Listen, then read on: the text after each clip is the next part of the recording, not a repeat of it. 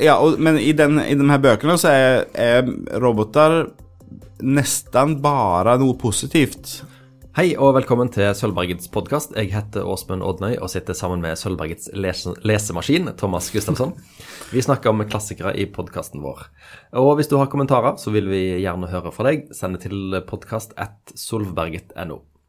I dag skal vi snakke om boka I, Robot av Isaac Asimov. Når jeg har lest meg opp på han, så høres det ut som han hadde et veldig kult liv.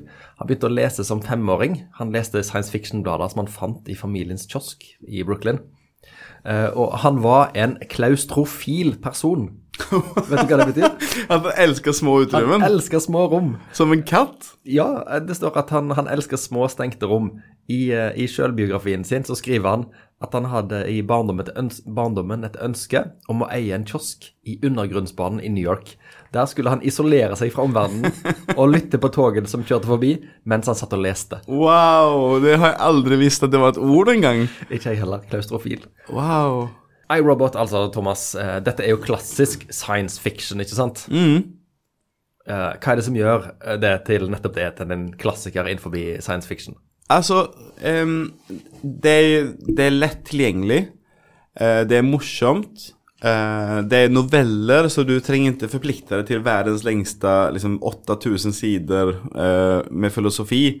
Det, det, er liksom de her, de her, Den er gitt ut i 1950, den, men alle novellene er liksom samlet inn til denne utgivelsen. De har skrevet den før, de har skrevet i løpet av 30- 40-tallet, som jeg har forstått det. Um, og så har han fått en liten sånn rammefortelling der hovedpersonen i mange av, av fortellingene uh, I rammefortellingen så skal hun gå i pensjon, da, og så blir hun intervjua av en journalist som, som, spør henne om hennes e, erfaringer med å jobbe med roboter. Uh, og så, så de her novellene er ting hun forteller til journalisten.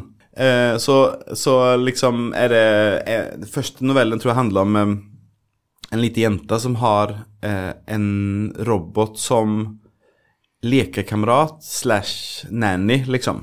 Eh, og at eh, den, den er spesiallagd for å passe på barn. Og mammaen til ungen syns at de andre familiene i, i, landsbyen ser ned på dem. for at de har, dette, dette, er en veldig dyr robot. Det er ingen som har råd til det, men de, det kanskje er pga. sjalusi. da. De andre familiene liker ikke at denne jenta blir passet på av en robot. De vil ikke komme på besøk lenger. Og så manipulerer hun eh, ting til at til slutt så fjerner de denne roboten, da. Og så blir datteren helt deprimert. Eh, og så får hun en hund som hun ikke vil ha. Og så. Så det setter opp, setter opp forestillingen at robotene er, er snille og gode og passer på menneskene. Og det, det, sånn som jeg har forstått det, så er det han som også har eh, etablert de her tre eh, reglene, som er the, the, laws of robotics. Og så har jeg glemt å skrive dem opp, men du hadde dem, sa du? Ja, eh, og dette er jo regler som jeg tror har på en måte fått et liv utenom uh, akkurat at de står i en skjønnlitterær tekst. Det er på en måte blitt en universell retningslinje, kan jeg si det sånn, for hvordan mm. Eh, roboter skal være. En robot kan, eh, Robotloven er nummer én. En robot kan ikke skade et menneske eller tillate at et menneske kommer til skade. Eh, nummer to. En robot skal adlyde de ordrene den får fra et menneske, unntatt hvis det kommer i strid med første lov. Og punkt nummer tre. En robot skal beskytte seg sjøl så lenge det ikke er i strid med den første eller andre loven. Ja, og de, her, de tre lovene er på en måte programmert dypt inn i hele grunnforutsetningene for robotene. Og det, det, filosoferer Asimov mye om i de forskjellige novellene, da, og gjør det på en veldig kjekk måte. For det, det, er også en viss progresjon i novellene, syns jeg. Den første novellen handler om en sånn barnevaktsrobot, på en måte. Den kan ikke snakke, men den, men den kan liksom gi uttrykk for følelser og er veldig sånn eh, Passer på, da, liksom. Og så blir det mer og mer avansert, og så i, i slutten så, så er det en robot som som på en måte utvikler sin egen religion. Der, der, han mener at den tingen, den fabrikken på en måte, eller den hovedmaskinen i fabrikken han jobber i, er guden. Og menneskene er noe slags Han skjønner ikke helt seg på hvorfor menneskene er det, for robotene er jo sterkere enn menneskene. Og menneskene lyver bare når de forteller at de bygger roboter.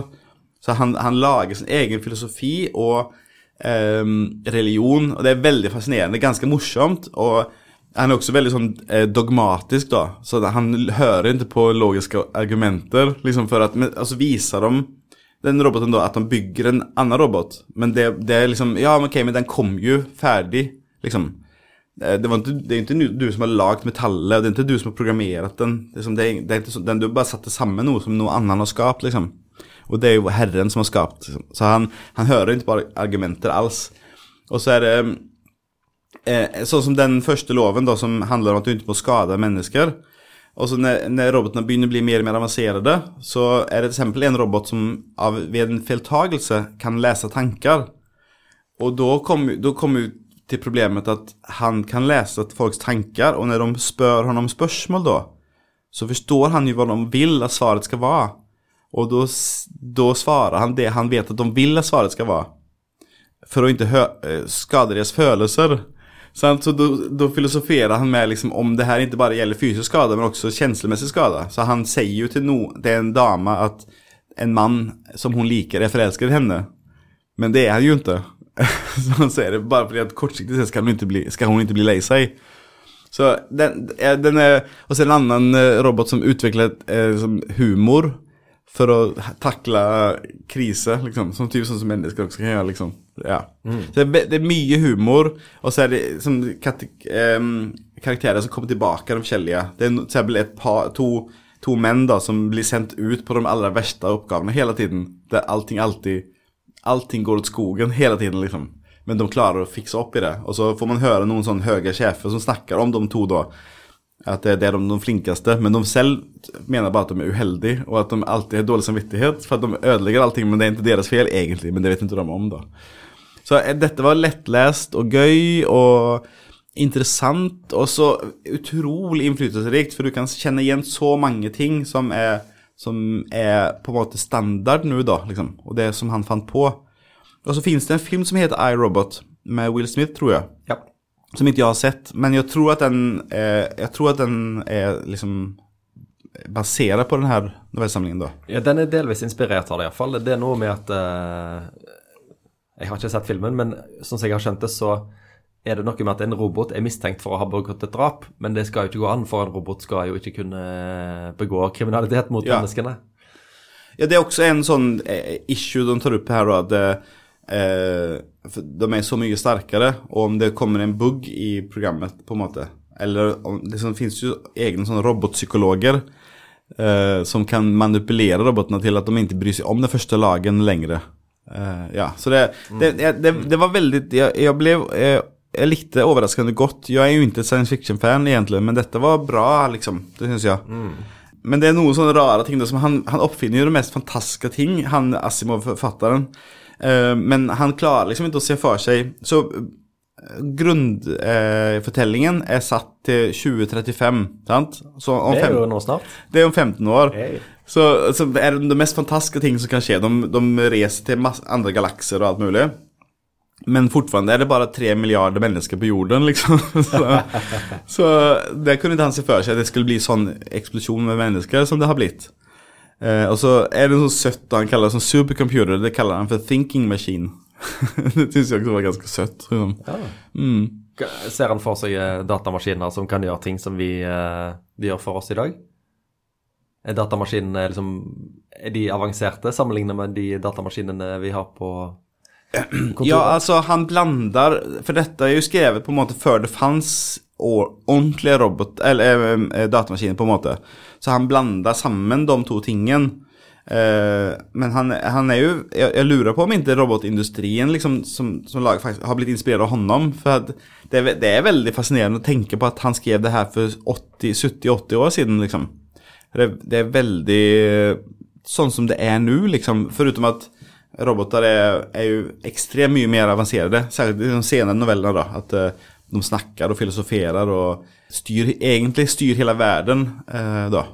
Science fiction har jo ofte blitt en sånn eh, alt er gale-sjanger. Ja. Altså, de vi har snakket om sånn 1984 og Fahrenheit eh, 451. Mm. Det er mye vondt og vanskelig der framme, ifølge mye science fiction-litteratur. Men denne her høres mer ut som en eh, eh, liksom filosofisk Ja. eh, Litt mer undrende leken eh, stil enn en andre science fiction-romaner. Er det riktig forstått? Absolutt, og eh, någon av novellerna er sånn at eh, hele jorden er styrt av sånn thinking machines då. Det finns en i hver verdensdel som passer på det overgripende hele sivilisasjonen på en måte. De ser til at det ikke blir Det blir ikke produsert for mye varer, ikke for lite, alle har mat. Og, og så finnes det en sånn bevegelse i, men, i menneskeheten da, som er antimaskin, liksom. Eh, og det viser seg at det er egentlig engelskmennene som, er, som er ute for de vil ha, ta over makten fra maskinene. Da, liksom. Eh, Engelskmennene, hva, hva har de gjort for å fortjene et sånt rykte? Det, var liksom Jeg tenkte den skriver precis när det brittiska imperiet är fullständigt på väg att gå upp i upplösning, sant? Så nu har de, är den liksom 100 år fram i tiden och då vill engelsmännen ta över makten igen liksom. Ja, och, men i, den, i de här böckerna så är, är robotar nästan bare noe positivt. Uh, og de, de lovene som han har skrevet for dem da, de, det, det er så grunnleggende i dem at, at de faktisk jobber for menneskehetens beste, liksom.